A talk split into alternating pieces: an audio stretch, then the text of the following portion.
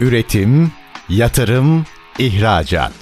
Üreten Türkiye'nin radyosu Endüstri Radyo sizin bulunduğunuz her yerde. Endüstri Radyo'yu arabada, bilgisayarda ve cep telefonunuzdan her yerde dinleyebilirsiniz. Endüstri Radyo.com Çetin Ünsal'ın hazırlayıp sunduğu Reel Piyasalar programı başlıyor.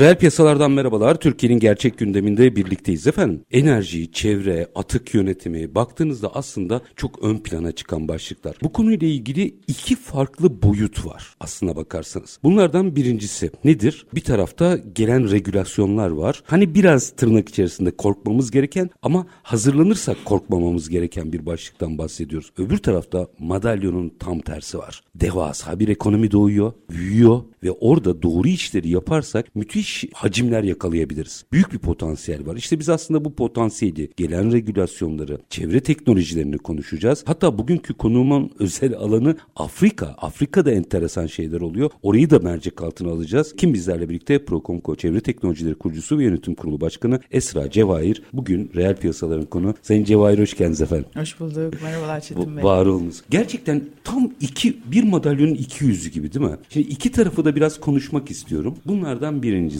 Bir kere hadi iyi tarafta. Ama şimdi çevre teknolojileri pazarı nasıl büyüyor? Biraz hem bizde hem dünyada bir fotoğraf çekebilir miyiz orada? Tabii ki. Çevre teknolojileri demin sizin de söylediğiniz gibi esasında hep atık olarak düşündüğümüz bir değer. Biz de dünyada ve çevrede yani bizim Türkiye'de Emin Erdoğan himayesinde başlatılan Sıfır atık projesi. Sıfır atık projesiyle beraber Birleşmiş Milletler'le de bunu gururla söylüyoruz. Öncü ülke olarak bu işe artık 3 sene öncesinden beri başlamış bulunmaktayız. İlk başladığımızda evet bilinç yoktu ama şu anda geldiğimiz şeyde mesela yüzde sekizlerdeyken şu anda yüzde yirmi yedilere kadar atıklarımızı yönetebilme potansiyeline eriştik. Dört katı arttı yani. Dört katı arttı ama biliyorsunuz imzalamış olduğumuz Paris İklim Anlaşması ile beraber bizim verdiğimiz sözler var. Bunlar 2030 yılına kadar bizim atıklarımızın yarısını engellememiz gerekiyor ve 2050'de de tamamen Türkiye'nin sıfır atık haline gel geçmesi gelmek. gerekiyor. Bununla da ilgili gelen işte hibeler, fonlar, Çevre Bakanlığı'nın verdiği desteklerle öncelikle kamu kuruluşlarından başlayıp şu anda özel sektöre de gelen ve zaten hani artık öyle olması da gereken bir durumdayız. Biliyorsunuz yaşadığımız pandemi krizi, pandemiden sonraki ekonomik sıkıntılar, iklim krizleri bizi ister istemez bu yöne doğru itmiş oldu. Bununla da ilgili biz Prokomp olarak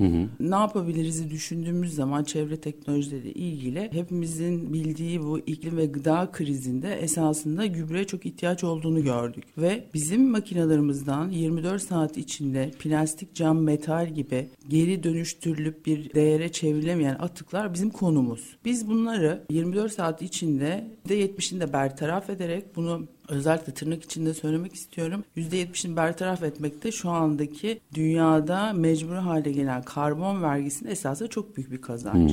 Hem %70'ini atıklarımızın yok ediyoruz. Karbon ayak izimizin %70'ini yok etmiş oluyoruz. Kalan kısmı da komposta dönüştürüyoruz. Kompost nedir? Toprağı verimleştiren bir üründür. Aslında yine tarımla bağlantılı olarak baktığımızda geleceğin en trend sektörlerinden birinin ihtiyacı. Kesinlikle öyle. Mesela şu anda Türkiye'de organik tarım yapılabilecek toprağımız yüzde ikinin altında. Yani yediğimiz her şey kimyasal dolu. Mesela Hollanda'da bu yüzde dört. Yüzde dörtten itibaren tarım yapılması doğru ve bununla ilgili de biz kompostu yani yüzde on oranında toprağa karıştırıldığı zaman senede yüzde birlik bir verim artışı elde ediyoruz. Yani devamlı bu atıklarımızı sadece komposta çevirsek bunlarla beraber zaten biz 3 sene sonra Hollanda'daki gibi organik tarım yapılabilecek gerçek toprağa kavuşacağız. Şu anda yediğimiz, içtiğimiz her şey kimyasal, pestisitli. Bununla da ilgili biz çalışmamıza devam ederken biliyorsunuz gübrenin fiyatı çok arttı. Tabii Hani- en, önemli girdilerden biri yani. Aynen.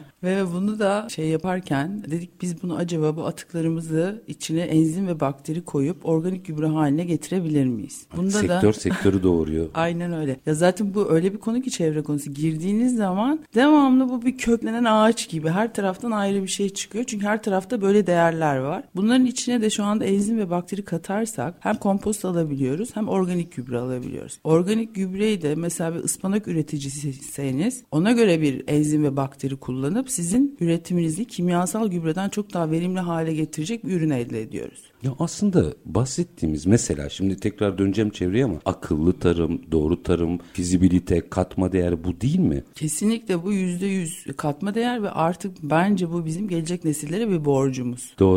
Tıkandığım nokta bu işte aslında. Yani evet çevreyle ilgili çok büyük regülasyonlar geliyor. Gereğini yapmazsak çok büyük hadi ceza demeyeyim ama vergilerle karşı karşıya kalacağız ama hep buraya konsantreyiz. Bunu sağlayabilecek müthiş bir devasa ekonomi doğuyor. Evet siz şimdi yolculuk yapıyorsunuz ama bunu ülke genelinde sanki çok daha fazla tartışmamız gerekiyor. Kesinlikle öyle ve bunun tartışılacağına da eminim. Çünkü yani geldiğimiz situasyon dünyaca artık bizi buna mecbur bırakıyor. Mesela yine devam edersem hı hı. bu organik gübreleri de mesela şu anda kilosu 47 lira. 47 liralık bir şeyi siz bunu atıklarınızdan elde ediyorsunuz ve kimyasal gübreyle kıyaslarsanız çok daha fazla verim alabileceğiniz bir ürün elde ediyorsunuz. Ve bunu sadece atıklardan yapıyoruz. Ve aynı zamanda biz atıklardan yine bir çalışma yaptık Tarım Bakanlığımızla beraber. Aynı şekilde atıklardan hayvan maması da elde edebiliyoruz. Yani esasında şöyle düşünelim. Bizim anneannelerimizin zamanı nasıldı? Hani bir tavuk haşlardık, kemiğini sokak hayvanımıza verirdik, etini yerdik. Yok suyunu... Hiçbir şey atılmazdı. Hiçbir şey atılmaz. Ben anneannemi hatırlıyorum. Bütün saksıların dibinde maydanoz vardı. Tabii.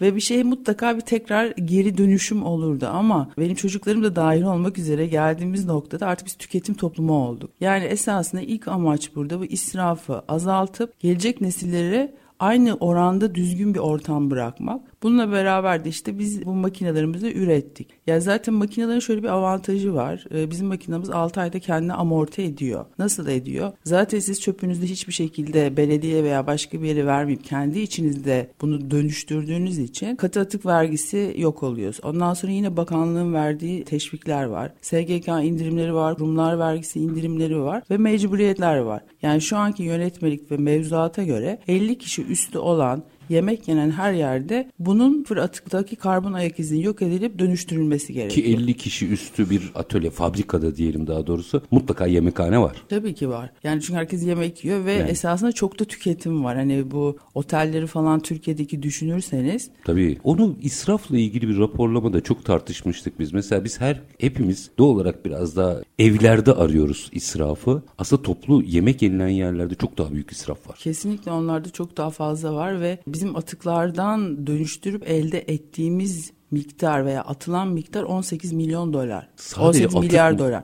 Atık bu. Atıklardan ve bizim mesela çok böyle güzel bir şekilde bahsettiğimiz tarım ihracatımız da aynı oranda. Aslında hani o kadar büyük bir burada kayıp var ki biz bunları atıkları dönüştürdüğümüz zaman hem ekonomiye katkımız da oluyor hem de çevreye katkımız oluyor iki aşamada. Bunu bu şekilde elimizden geldiğince artı bir makinelerimiz üzerine koyarak devam ediyoruz. Ne kadar biliniyor? Ya mesela şeyi çok merak ediyorum ben. Atık bulunabiliyor. Daha doğrusu atık var zaten. Atık çok ortada evet. da. Atıkları doğru toplamakla ilgili sıkıntılarımız vardı. Orada biraz yol aldık mı? Kesinlikle aldık. Çünkü belediyeler zaten mobil atık merkezleri koymaya başladılar. Bu gelen mecburiyetler zaten ilk önce kamu kuruluşlarından başladı. Ve bu atık merkezlerinde ayrıştırmalar yapılıyor. Ne yazık ki bizim ülkemizde ya ceza ya ödül İşler. devam ettiği için. Mesela çoğu belediye bir kart sistemi geliştirdi. Evinden bu atıklarını getiren, evsel atıklarını getirenler işte kartta bir kafede bir çay içme, kahve içme gibi ufak ufak böyle hediyeler, işte depozit makineleri gelmeye hmm, başladı. Evet. Ve farkındaysanız da son iki senedir her tarafta ayrıştırma çöp kovaları var. Ne kadar doğru içi ben hep kontrol ediyorum işim gereği. Ama yani hafif hafif bunda da bir bilinçlenme Gerçek, başladı. Gerçekten bakıyorsunuz tabii algıda seçicilik doğru olarak bakıyorsunuz orada. Gerçekten doğru mu attılar diye değil mi? Var mı bir gelişme? Valla Antalya Havalimanı'nda baktım en son ki hani orası daha böyle hani yabancıların olduğu da bilinçlidir diye düşündüm. Orada da yani bir şey göremedim. Ciddi mi? ya tabii bu konuyla ilgili aslında ilk öğretimden başlayan bir eğitimi de beraberinde getirmek gerekiyor. Ama hadi bunları doğru atıkları doğru topladıktan sonra asıl kritik nokta şu teknoloji meselesi. Yani sizin burada makine üretiyor ve dünyaya satıyor olmanız asıl Türkiye'ye katma değer getirecek olan mesele. Bu konuyla ilgili potansiyelin farkında mıyız? Hadi siz yürüyorsunuz ama genelin siz buradan tutmuşsunuz. Başkasının başka bir yerden tutması gerekir. Bizim teknolojiyi satan olmamız lazım. Evet kesinlikle öyle. Zaten amacımız bizim Türkiye'den başlayarak dünyaya ihracat yapmak. Ben 6 senedir bu makine e, üreticiliğini yapıyorum. İnanın bir makine mezarlığım var. Çünkü hani ilk başlarken de ben dünyadaki Malezya dahil her tarafı dolaştım. Hani bu kompost makineleri nasıl çalışıyorlar dedi biz bunları Türk olarak çok daha iyisini yaparız. Ve bir Türk iş kadını olarak da gerçekten yaptık. Ve dünyada yine ilk defa aynı makinede hem kompost hem mama üreten tek makine. Onda bütün patentleri ve lisansları da bize ait. Ve bu şekilde hani her gün daha iyi ne yapabiliriz? Ben her zaman şey mantığıyla bakıyorum. Özel sektörden geldiğim gelen bir kişi olarak hani ben bunu sadece bir mecburiyet giderip evet bakanlık şeylerini temel sertifikasını aldım. Her sene %15 çöpümü azalttım. Bronz işte gümüş ve platine geldim amacıyla bakmıyorum. Gerçekten bu benim işletmeme ne maliyeti var diye bakıyorum. Oraya artı eleman konması gerekiyor mu? Hani yorucu mu? Enerjisi nasıl? Ve bunun bana ne katkısı olacak mantığıyla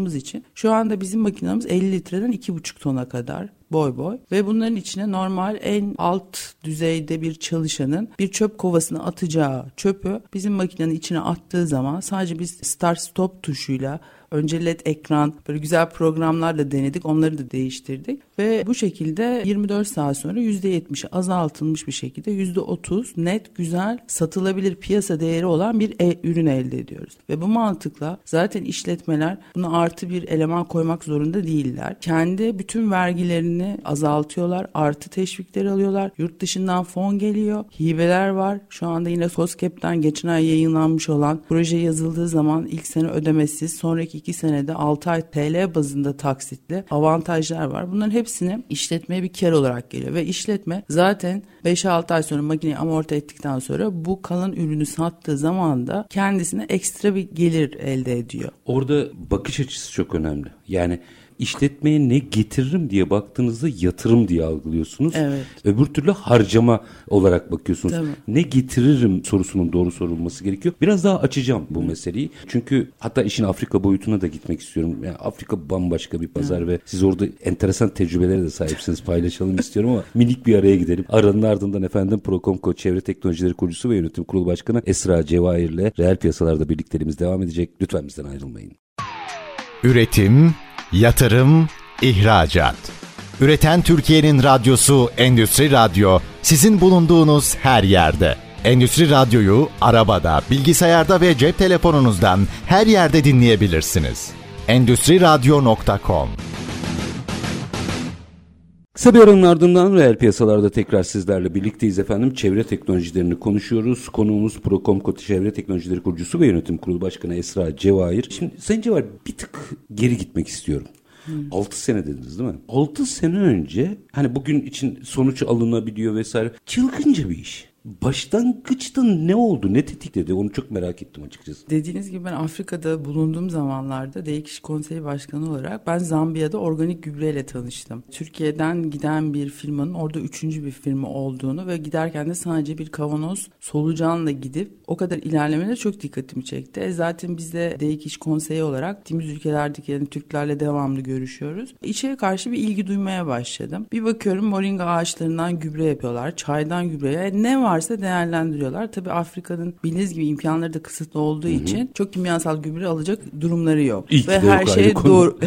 her şey tamamen organik. Ve dedim ben Türkiye'de niye yapmıyorum? Çünkü zaten Türkiye'de kendim de çok dikkat ediyorum organik beslenmeye. O şekilde önce Türkiye'de ufak bir organik gübre fabrikası kurdum Antalya'da. O devam ederken de bu kompost makineleri işte bu atıkların tekrar dönmesi, Paris İklim Anlaşması gelince ben o şekilde 6 sene önce herkes daha hani bu işin çok başındayken sizin de dediğiniz gibi çok çılgın görenler oldu beni. Çok ciddi bir yatırım da yaptım bu işe. Dedim ben bunu mutlaka yapacağım ve hani bu benim bir yerde de manevi borcum olarak gördüm. Evet tabii ki ticari bir şirketiz ama bunun manevi tarafı da beni çok mutlu ediyor. Yani bir yerde hani insan işinden zevk alması nasıl? Bu benim hayat tarzım ve ben çok seviyorum bu işi ve böyle her zamanda bir şey kattığımı veya bir şeyin çöpe gideceği yerine değerlendiğini gördüğüm zaman, israfı bir tık önlediğimi anladığım zaman çok mutlu oluyorum. Ya siz aslında o dönemde bugün konuştuğumuz döngüsel ekonomiyi keşfedip burada uygulamışsınız. Bu,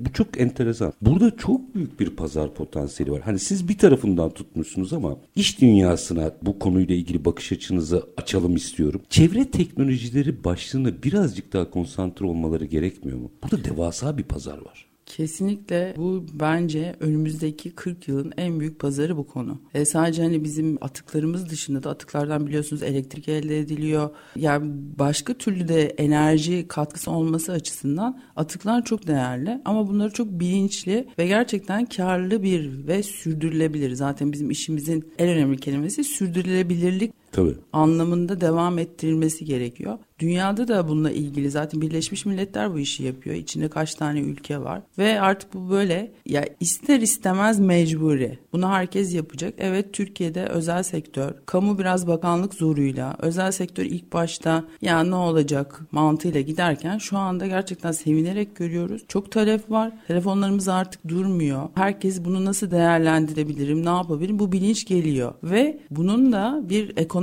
dönüşü olduğunu artık herkes farkında. Orada Buradaki kritik nokta bu. Yani eğer kullanırsanız, bu işi yaparsanız para kazanıyorsunuz. Ama bir hikaye var. Orayı açalım. Çünkü evet. biz böyle zaman var. Daha 2026'ya çok var falan. Bu sınırda gümrük vergileri, karbon emisyonu vesaire çok fazla konuşuyoruz. Ama sanki e bir dur bakalım Avrupa ne olsa bunu bir öteler gibi bir yaklaşımımız var. Yani bizim öteleme alışkanlığımız vardır birçok şeyde ama Avrupa'da hiç çok olağanüstü bir şey olmadıkça bir şeyin ötelendiğini görmedim ben. Biraz daha ciddiye alınması gerekmiyor mu bu meselenin? Kesinlikle ciddiye alınması gerekiyor. Geçenlerde bir lojistik derneğin başkanıyla görüştüm ve bana dedi ki yani artık dedi şu anda gelen mevzuatta 2026 değil 2024'ten itibaren bizim göndereceğimiz tırlarda hibrit bile kabul edilmiyor. Hidrojen benzinle yani Avrupa buna çok önem veriyor. Ve ihracat yapan her firmanın karbon ayak izi, karbon durumuna bakıyorlar ve ihracat o şekilde gerçekleşiyor. Dediğiniz gibi biz millet olarak hani hep en son dakikacıyız. Ne olsa bir şey olur, ötelenir. bir şekilde hallederiz. hallederiz. Ama, Ama ölüm olmuyor işte. Olmuyor. Bu iş farklı bir iş. Kesinlikle. O yüzden şu anda firmalar da daha bilinçli. Bazı sektörlerde özellikle zaten mecburiyetler 2026'da kalmadan geliyor. Bununla ilgili de yani ben ümitliyim. Ben bu işe başladığım zaman hiçbir şey yoktu ortada. Eğer biz 6 senede bu duruma geldik ise şimdi gelen mecburiyetler, zorunluluklar, cezalarla da ben bunu çok daha fazla ileriye gideceğini düşünüyorum. Tabii bizim de bu işe gönül verenler olarak devletten beklediklerimiz var. Açalım biraz. Yani biraz daha teşviklerin arttırılması. İsim vermemde sakınca yoksa Marka mesela, değilse e, devlet bankalarıyla mesela görüşüyoruz. Devlet bankası diyelim.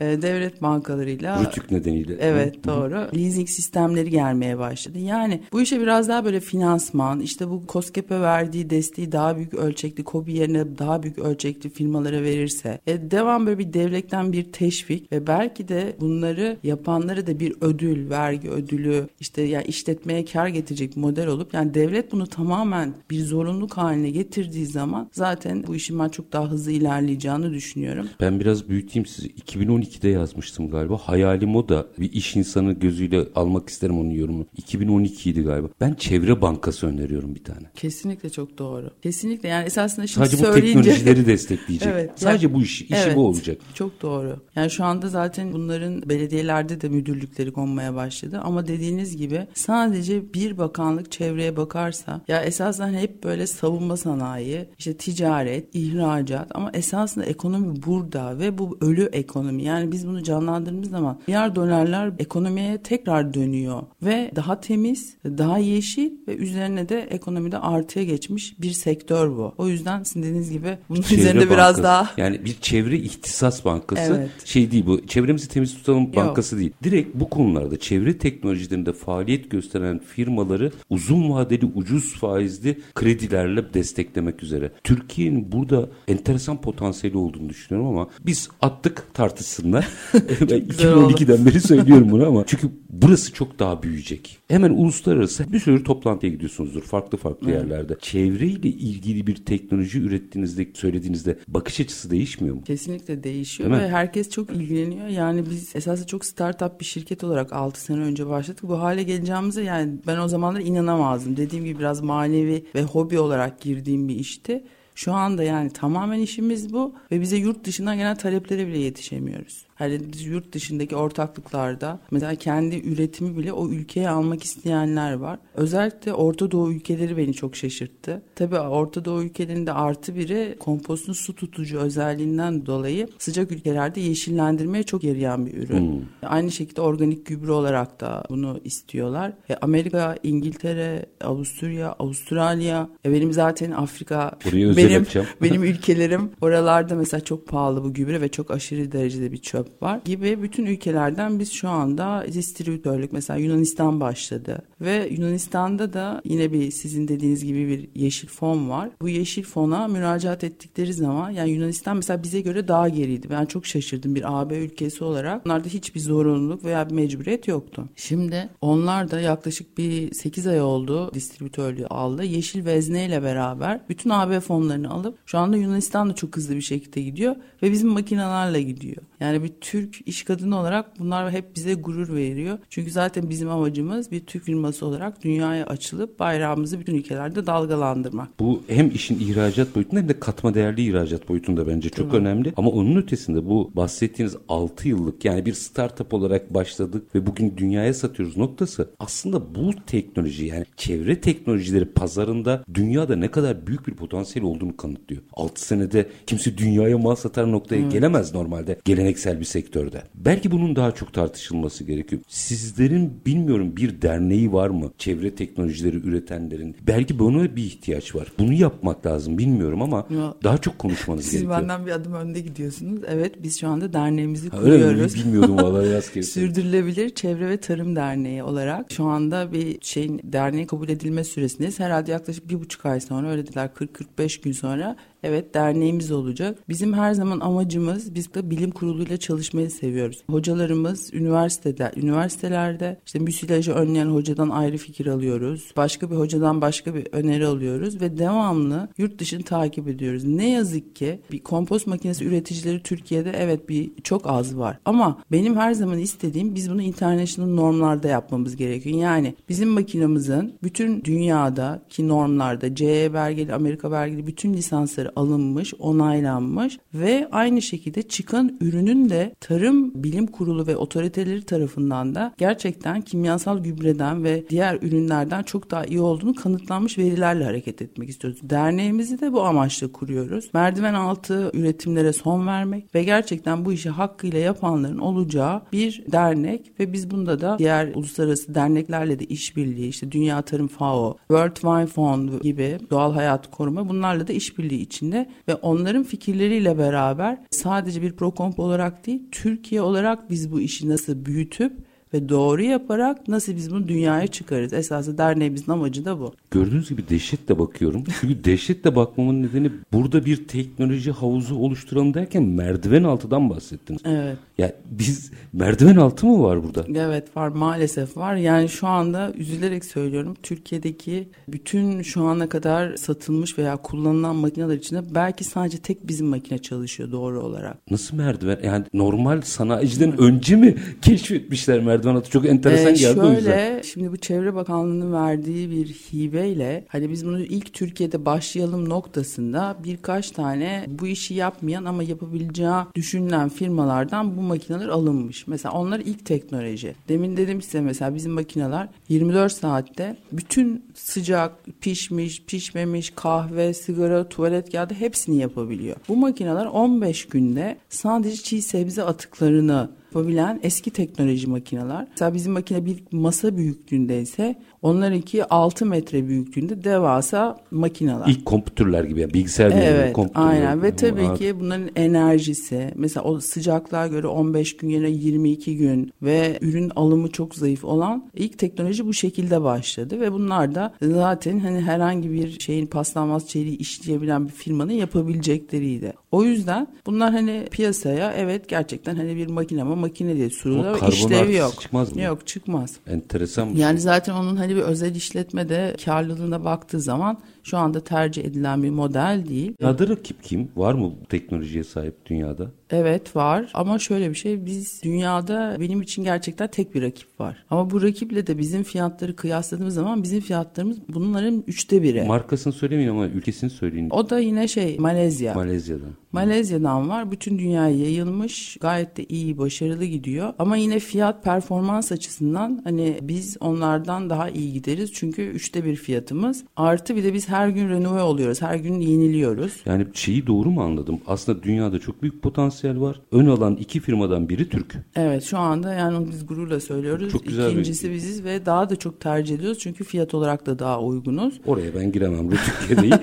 Ama Şöyle bir şey- teknolojik rekabet açısından baktığınızda ülke adına bence önemli bir şey bu. Evet bir de bizim yemek peletleme mama makinesi dediğimiz kısımda da biz sokak hayvanlarına böyle mesela bir otelin açıktan barınağa verdiğini tekrar kurutup mama formuna getirip iki sene istenirse saklanabilecek peletlenmiş şekilde de çıkan tek makine de bizde. Bu dünyada başka hiçbir yerde yok. Bu sürekli bir argeyi gerektiriyor galiba değil mi? Evet bizim ARGE ekibimiz e, çok iyi çalışıyor. Mesela şu anda biz ev tiplerini de bitirdik. Onlar için de bir herhalde önümüzdeki seneye kadar süremiz var. İşte ankastre, set üstü, değişik modellerde. Çünkü amacımız esasında evlerde de yediğimizin arttığını artık hepimizin evinde bir can dostu var. Biz nasıl organik yiyorsak onlar da organik bir şekilde beslensin. Hani o gün mamaya ihtiyaçları yoksa Nasıl? Çok çok dilerim anlamadım. Çöpü attınız o dönüşüyor mamaya mı dönüşüyor? Aynen öyle. Yani bizim yemek atıklarımızı nasıl sokaktaki hayvanımıza veriyoruz. Biliyoruz ki o gün pişmiş, taze ve hani yenilebilir. Biz şu anda bunu ev tipi makinalarımızda da hayvanlarımıza verecek şekilde, evdeki hayvanlarımıza verecek şekilde. Çünkü biliyorsunuz şu anda kanıtlanan bir şey. Verilen mamalardaki kimyasal oranından hayvanlar saldırganlaştı. Doğru, doğru. Hem bunu önleyeceğiz hem bizim içimiz rahat edecek ve hani o gün de evet evde hayvanımız da olmasa belki bahçemiz var belki saksımız var. Onda da komposta çevirip tekrar bunu geri kullanabileceğiz. İnsani olarak baktığınızda çok güzel ama tabii ben doğal olarak sektörel anlamda baktığımda da devasa bir dünya potansiyeli görüyorum orada. İlginç bir yani. Şimdi minik bir araya gideceğim. Aranın ardından Afrika açmak istiyorum. Yani DEİK başkanlığı yapacak kadar Afrika'ya konsantrasyon ve potansiyeline birazcık orayı açmanızı rica edeceğim ama minik bir araya gideyim. Aranın ardında Procomco Çevre Teknolojileri kurucusu ve yönetim kurulu başkanı Esra Cevahir ile reel piyasalarda sohbetimiz devam edecek. Lütfen bizden ayrılmayın. Üretim, yatırım, ihracat. Üreten Türkiye'nin radyosu Endüstri Radyo sizin bulunduğunuz her yerde. Endüstri Radyo'yu arabada, bilgisayarda ve cep telefonunuzdan her yerde dinleyebilirsiniz. Endüstri Radyo.com Kısa aranın ardından reel piyasalarda tekrar sizlerle birlikteyiz efendim. Çevre teknolojilerini konuşuyoruz. Konuğumuz kim? Procomco Çevre Teknolojileri kurucusu ve yönetim kurulu başkanı Esra Cevahir. Şimdi bir kere sözlerinizden çok net anlıyorum ki bu yarının sektörü. Bugün de geçerli olan ama yarın çok daha enteresan bir yere gelecek. Şimdi buna tekrar döneceğim ama araya gitmeden önce söyleyeyim. Afrika ben sizi ilk DEİK Afrika ile ilgili tanımıştım bir toplantıda. Demiştim ki "Ya Afrika zaten hani ilginç bir pazardır. O bir kadın iş insanı Afrika'da DEİK başkanı vesaire. Nereden keşfettiniz Afrika'yı? Ve orada bir nasıl bir potansiyel var? Biraz konuşalım mı bunu? Tabii ki. Bizim kendi aile grubumuzda zaten ağırlıklı işimiz otelcilikti. Ve Afrika'dan da bize böyle bir teklifler gelmeye başlayınca ilk Afrika'ya ilgilenme kısmım benim oradan başladı. Cibuti'den başladı. Ve gittiğim zaman ben çok sevdim Afrika'yı. Ve hani orada da zaten yapı olarak hep böyle bir şey üretip bir faydalı olmak isteyen bir yanım var. Ben dedim işte Afrika'da hani nasıl yapabilirim? O arada da DEİK İş Konseyi'nden bana teklif geldi başkanlık için, Ruanda için. Ben dedim ki hiç Afrika'yı bilmeyen biri olarak nasıl bir başkan olayım? Önce ben Afrika'yı bir tanıyayım, öğreneyim. Ondan sonra gireyim ve ondan sonra da aradan bir 3 sene geçtikten sonra da ilk Zambiya'ya kurucu başkan olarak geçip 3 dönem Zambiya'da iş konseyi başkanlığı yaptım. Çok güzel dostlukların ötesinde çok güzel de ticari ilişkilerimiz oldu. Bir kere çok güzel insanlar değil mi? Evet çok güzel insanlar gerçekten hani böyle ben bir Ruanda dediğim zaman bana herkes ay Ruanda mı sen ne yapıyorsun? Hiç öyle bir yer değil. Gayet medeni. Cumhurbaşkanının gençlerle beraber ayda bir kere bütün sokakları birebir çöpünü topladığı bilinçte. Dünyanın belki ikinci şu anda güvenlikli ülkesi olan bir ülke ama hep böyle bir yanlış tanıtılmış. Ay Afrika, Afrika'da senin ne işin var? Afrika Türkiye gibi. Ülkeler çok güzel. Benim ülkelerim hep Sahra altı ülkeleriydi. İşte Zambiya, Cibuti, Ruanda, Gine Konakri, Fil dişi özellikle devamlı orada olduğum ve pandemiye kadar da yaklaşık ayın yarısını geçirdiğim ülkeler. Orada çeşitli iş fırsatları oldu. Bizim zaten DEİK olarak misyonumuz iki ülke arasındaki ekonomik ilişkileri arttırıp hem Türk iş adamları adamlarını orada görmek hem de Afrikalı iş adamlarını bizim ülkede yani karşılıklı olarak kazan kazan modeliyle çalışmaya başladığımız bir ülkelerde. Oralarda da güzel inşaat yatırımları yaptık. Bazılarını ben kendi adıma yaptım. Şu anda mesela fil dişindeki en büyük bir Paris Eiffel gibi bir sembol olacak. İkonik şeyin tur, ikonik kulenin finans merkezinin inşaatı da bende. Ve yani her ülkede ayrı bir şey, bir kültür, ayrı bir güzellik ve güzel de bir ticari hayat var. Zor mu iş yapmak Afrika'da? Afrika'da doğru insanı bulmazsanız çok zor. Açın ve biraz doğru insandan kastediyorum. Yani kolay kandırılabilir, iş ağır gidiyor. Hani mesela bir ihale aldığın zaman kesinlikle aldım denmemesi lazım. Devlet garantisi yok ülkelerde. Onu başka bir şekilde suveren garanti almanız gerekiyor. Onun gibi ama eğer oturduktan sonra ve size karşı da onların da bir güveni olsa çünkü onlar da çeşitli problemler yaşamışlar. Bir ülkede güzel bir şey yaptığınız zaman öbür ülke de sizi hemen örnek alıyor. Yani Afrika şöyle bir model hiç olmayan bir şeyi götürün. Atıyorum bir gofret fabrikasını çok ucuz yani bizim fabrika olarak düşündüğümüzde daha bir atölye tarzı. Götürün yapın sizin yaptığınızın belki 10 katını orada satabilirsiniz. Yani şey potansiyel var insanlara öğretmek lazım. Ve tabii ki hani dikkatli bir şekilde Afrika'nın bana göre tek sıkıntısı işte çok uzun vadede düşünmemek gerekiyor. Çünkü çok kısa sürede bir darbe olabiliyor. Hani çok ülkede siyasi istikrarsızlık siyasi var. istikrarsızlık var. Darbeler gelebiliyor. Hani bir beş sene içinde yeni seçilmiş bir cumhurbaşkanı işinizi çok güzel götürebilirsiniz ve bizim Türk bayrağımızı da o ülkelere dikersiniz. Çok başarılı iş adamlarımız var. Havalimanlarını yapıyoruz. İnşaat işleri bitiyor. Konvensyon center'lar gibi bir sürü oteller. Yani şu anda bence Türkler Afrika'ya yerleşecek. Çünkü Afrika Türkiye'yi seviyor. Afrika bugüne kadar sömürge ve şu anda da Çinlilerin acayip bir orada etkisi var. E, Çinlerden Çinleri kalitesiz görüyorlar. Avrupa'da çok pahalı olduğu için Türkiye esasında şu anda ihracat yapmak için de Afrika'ya Tam ara formülü olarak. ara formülü yani Avrupa kalitesinde ama fiyatı daha uygun ama Çin değil. Yani Çin kalitesizliğinde değil. Yani kaliteli ve sömürgeci değil. Evet kalite ve sömürgeci değil. Bizim Cumhurbaşkanımızın da orada yaptığı politika çok başarılı. Herkes çok seviyor. Ve hani bir kardeşlik içinde iki tarafında kazanacağı modelde işbirlikleri var. Çin dediniz ya biraz açalım mı? Çünkü gerçekten çok agresifler Afrika'da. Afrika'nın tamamında çok agresifler. Ne yapıyorlar orada? Yani Çinler orada her şeyi yapıyorlar. Mesela Cibuti'den örnek verirsen bütün limanlar Çinler yapıyor. Etiyopya'ya olan tren yolunu Çinliler yapıyor. Çinliler bir de orada farklı bir yaklaşımları ve şeyleri var. Götürdükleri bir strateji var. Kendi hapishanelerindeki Çinli vatandaşlarını Afrika'ya yerleştiriyorlar. Ve onlar orada hem çalışıyorlar hem de daha özgür bir hayat yaşıyorlar. E zaten gittiğiniz zaman Çinlerle yapılmış Afrikalıların yaptıkları evlilikleri de görüyorsunuz. Yani bana göre Çin esasında Afrika'ya sahip olmak istiyor. Yani enteresan. Avrupalıların Amerika'yı keşfi gibi gelmiş. O zaman da Amerika'ya hapishanelerden adam yollamışlar ya. Enteresan bir şekilde Çin aynı formülü Afrika'da yapıyor anladığım kadarıyla. Evet aynı formülü orada yapıyor ama ülkeler esasında yani Çin'den çok hoşlanmıyorlar. Ama para var. Bizim Türkiye olarak evet yapabiliriz ama bizim Exim Bank kredilerimiz veya hatta hani bir Çinler kadar o ilerlememiz biraz şu anda zor. Hani bunda tabii hep devletten her şey istiyoruz. bunda da biraz daha destek istiyoruz. Ama bunlar bence istemek değil. Çünkü bu yatırdıkça geri gelen rakamlar. İş yapılıyor günün sonunda. Hani destek verin işte ben finansman sorunumu hallediğimin ötesinde bir destek talebi bu. Pazarda çok sert bir rekabet var çünkü ve Çinliler anladığım kadarıyla bütün kamu gücüyle oradalar. Evet öyle. O yüzden destek istiyorsunuz. Evet yani kadarıyla. hani daha daha da büyüyebilmek için daha da hızlı gidebilmek için ha bir iş yerine belki beş iş alabilmenin yolu da birazcık buralardan geçiyor. Orada bir şey daha sormak isterim. Tam da çevre teknolojilerine bağlayacağım. İlk çıkış noktanızda hani fark ettiğiniz mesele var ya. Sanki sözlerinizden öyle bir şey anladım ama belki de yanlış anladım. Bu atık mantaliteleri olduğu için doğal olarak sanki bir arge merkezi gibi de. Orada dikkatli dolaştığınızda enteresan teknolojiler bulunabilir mi burada? Yaklaşım olarak tabii. Tabii kesinlikle bunlar bir de ilginç bir şey söylemek istiyorum. Bazı Afrika ülkelerinde naylon poşet bile yasak. Mesela Senegal'de. Yani esasında bizden çok daha bilinçli olan ülkeler, Ülkeler var. de var. Evet.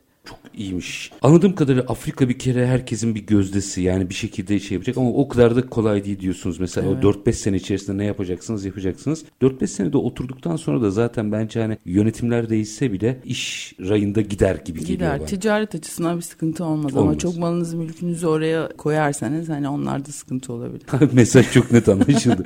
Peki tekrar bir 6-7 dakikam var çevre teknolojilerine dönmek istiyorum. Bundan sonraki süreçte bu işin nereye gideceğini düşünüyorsunuz? Atık, çevre teknolojileri ve dünya. Bizim burada yapmamız gereken hamleler ne? Bundan sonra bence bütün atıkların ben değerlendireceğini düşünüyorum. Çünkü bunu ekonomik olarak mecbur ve ihtiyacımız var. E bunu bizim makineler belli bir kısmını yapacak. Başka bir firma biyoenerjiyi ayrı yapacak. Yenilebilir enerji gelecek. Yani bir şekilde artık bu çevre teknolojileri her gün belki biz de diyeceğiz şu anda en iyi biziz ama seneye yaptığımız bu işi biz de beğenmeyeceğiz. Yani çünkü bu iş durmuyor. Her gün inovasyon var, arge var ve bunu en karlı biçimde tekrar nasıl ekonomiye kazandırmak esasında temel. Evet çevreye çok önem veriyoruz. Bunun bir gelecek nesillere borcumuz olduğunu bilmemize rağmen tabii ki her zaman dünyada en önemli şey ekonomi. Ekonomiye katkısı olup da tekrar döndürüldüğü zaman olmayan bir ekonomi esasında çıkmış olacak ortaya. Doğru doğru. Ve Pozisyon e, alacağız orada. Evet yani şu anda hani hepimiz en azından evde bile attığımızın ne olduğunu bilerek yaşayacağız ve bu bilinçle hani çok daha böyle ekonomik olarak da ve çevreci olarak da çok daha iyi yere gideceğiz. Mecburuz. Kuraklık var, açlık var. Yani global iklim krizi her şey var yani şu anda bunları dönüştürüp artı başka bir şey bulunabilecek bir şey yok dünyada. Bütün kaynaklar tükendi, tüketiliyor. Tek bizim bu atıklardan tekrar bunu ekonomiye katkıdan başka hiçbir şeyimiz yok yani. Başka bir seçenek görmüyorum ben. Avrupa bu açıdan baktığınızda nasıl bir pazar? Çünkü onların hem bu konuyla ilgili bir yaklaşımları var hem paraları var. Avrupa'da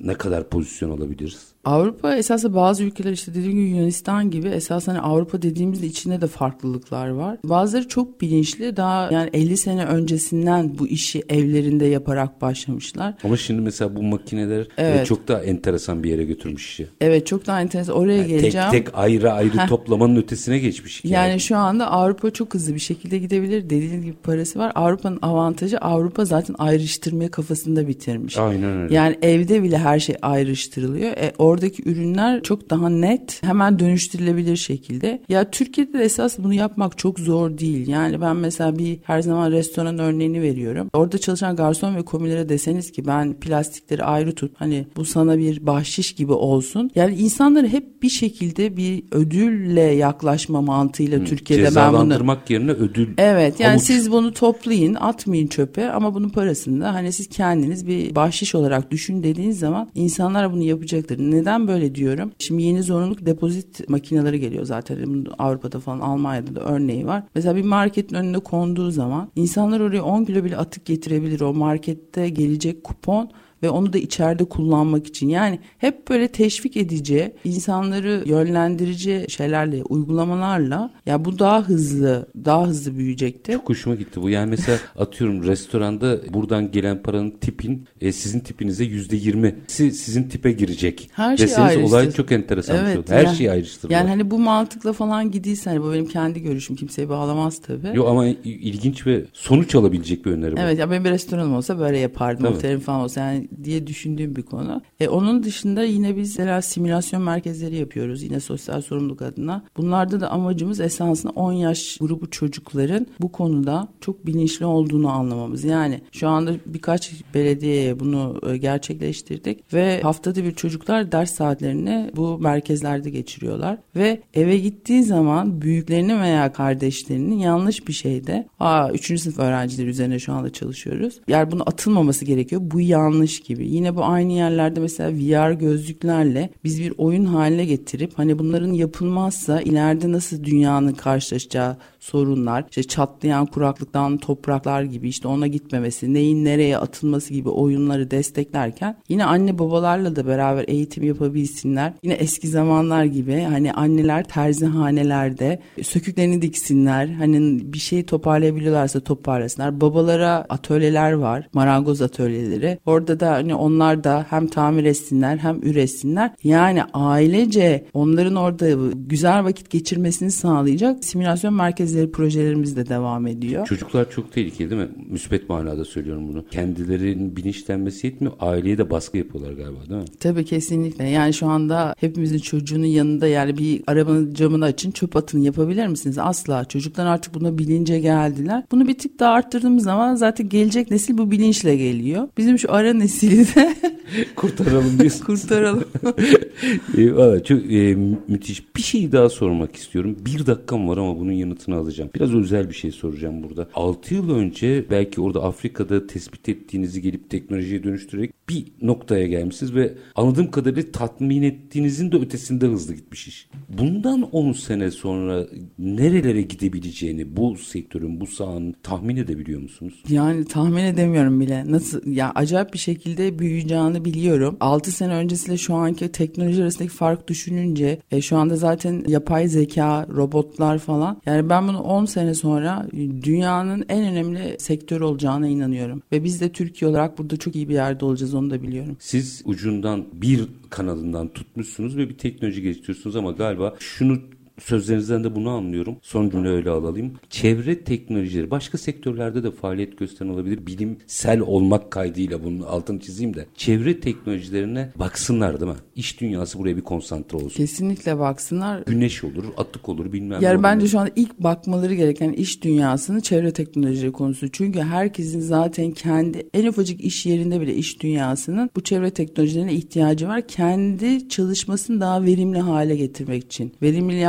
arttırabilmesi için çevre teknolojileri şart. Müthiş. Bu arada tabii sonunda da tekrar hazır siz vesile oldunuz. Ben bir daha şu Çevre Bankası'nı hatırlatayım. Evet, Çevre lütfen. Teknolojileri Bankası. Bir ihtisas bankasına ihtiyacımız var. Dünyadan da müthiş fon toplayabiliriz. Hibe bulabiliriz bu konuyla Kesinlikle. ilgili. Tabii para olarak bakmayalım onlara. Sermaye olarak bakıp teknoloji üretecek firmaları Ben de bunu her yerde diyeceğim bundan sonra çok güzel. Yaşayın. Efendim Procomco Çevre Te- Teknolojileri kurucusu ve yönetim kurulu başkanı Esra Cevher çok teşekkür ederim. Ben teşekkür ederim Çok zaman keyifliydi. ayırdınız. sağ olun. Estağfurullah var olunuz. Efendim biz bugün aslında bugün için önemli olan ama yarın adına çok büyük bir potansiyel taşıyan çevre teknolojileri sektörünü yaşayanla konuştuk. Bir arada girdik bir Afrika'ya. Çünkü işin anladığım kadarıyla Sayın Cevahir'in anlattığından ilhamı Afrika'dan e, çıkmış. Afrika'ya baktığınızda onlar zaten doğal olarak bunu yapıyorlar. Bunu teknoloji olarak yapar ve bütün dünyaya satarsak hep dediğimiz şey oluyor. Üretelim ama neyi niye ürettiğimizi bilelim ki günün sonunda hem fayda sağlansın hem ülkeye katma değer. Biz bugün detayları Procomco Çevre Teknolojileri Kurucusu ve Yönetim Kurulu Başkanı Esra Cevahir ile konuştuk. Her zamanki gibi bitirelim. Şartlar ne olursa olsun. Paranızı ticarete, üretime yatırmaktan, işinizi layıkıyla yapmaktan ama en önemlisi vatandaş olup hakkınızı aramaktan vazgeçmeyin. Hoşçakalın efendim.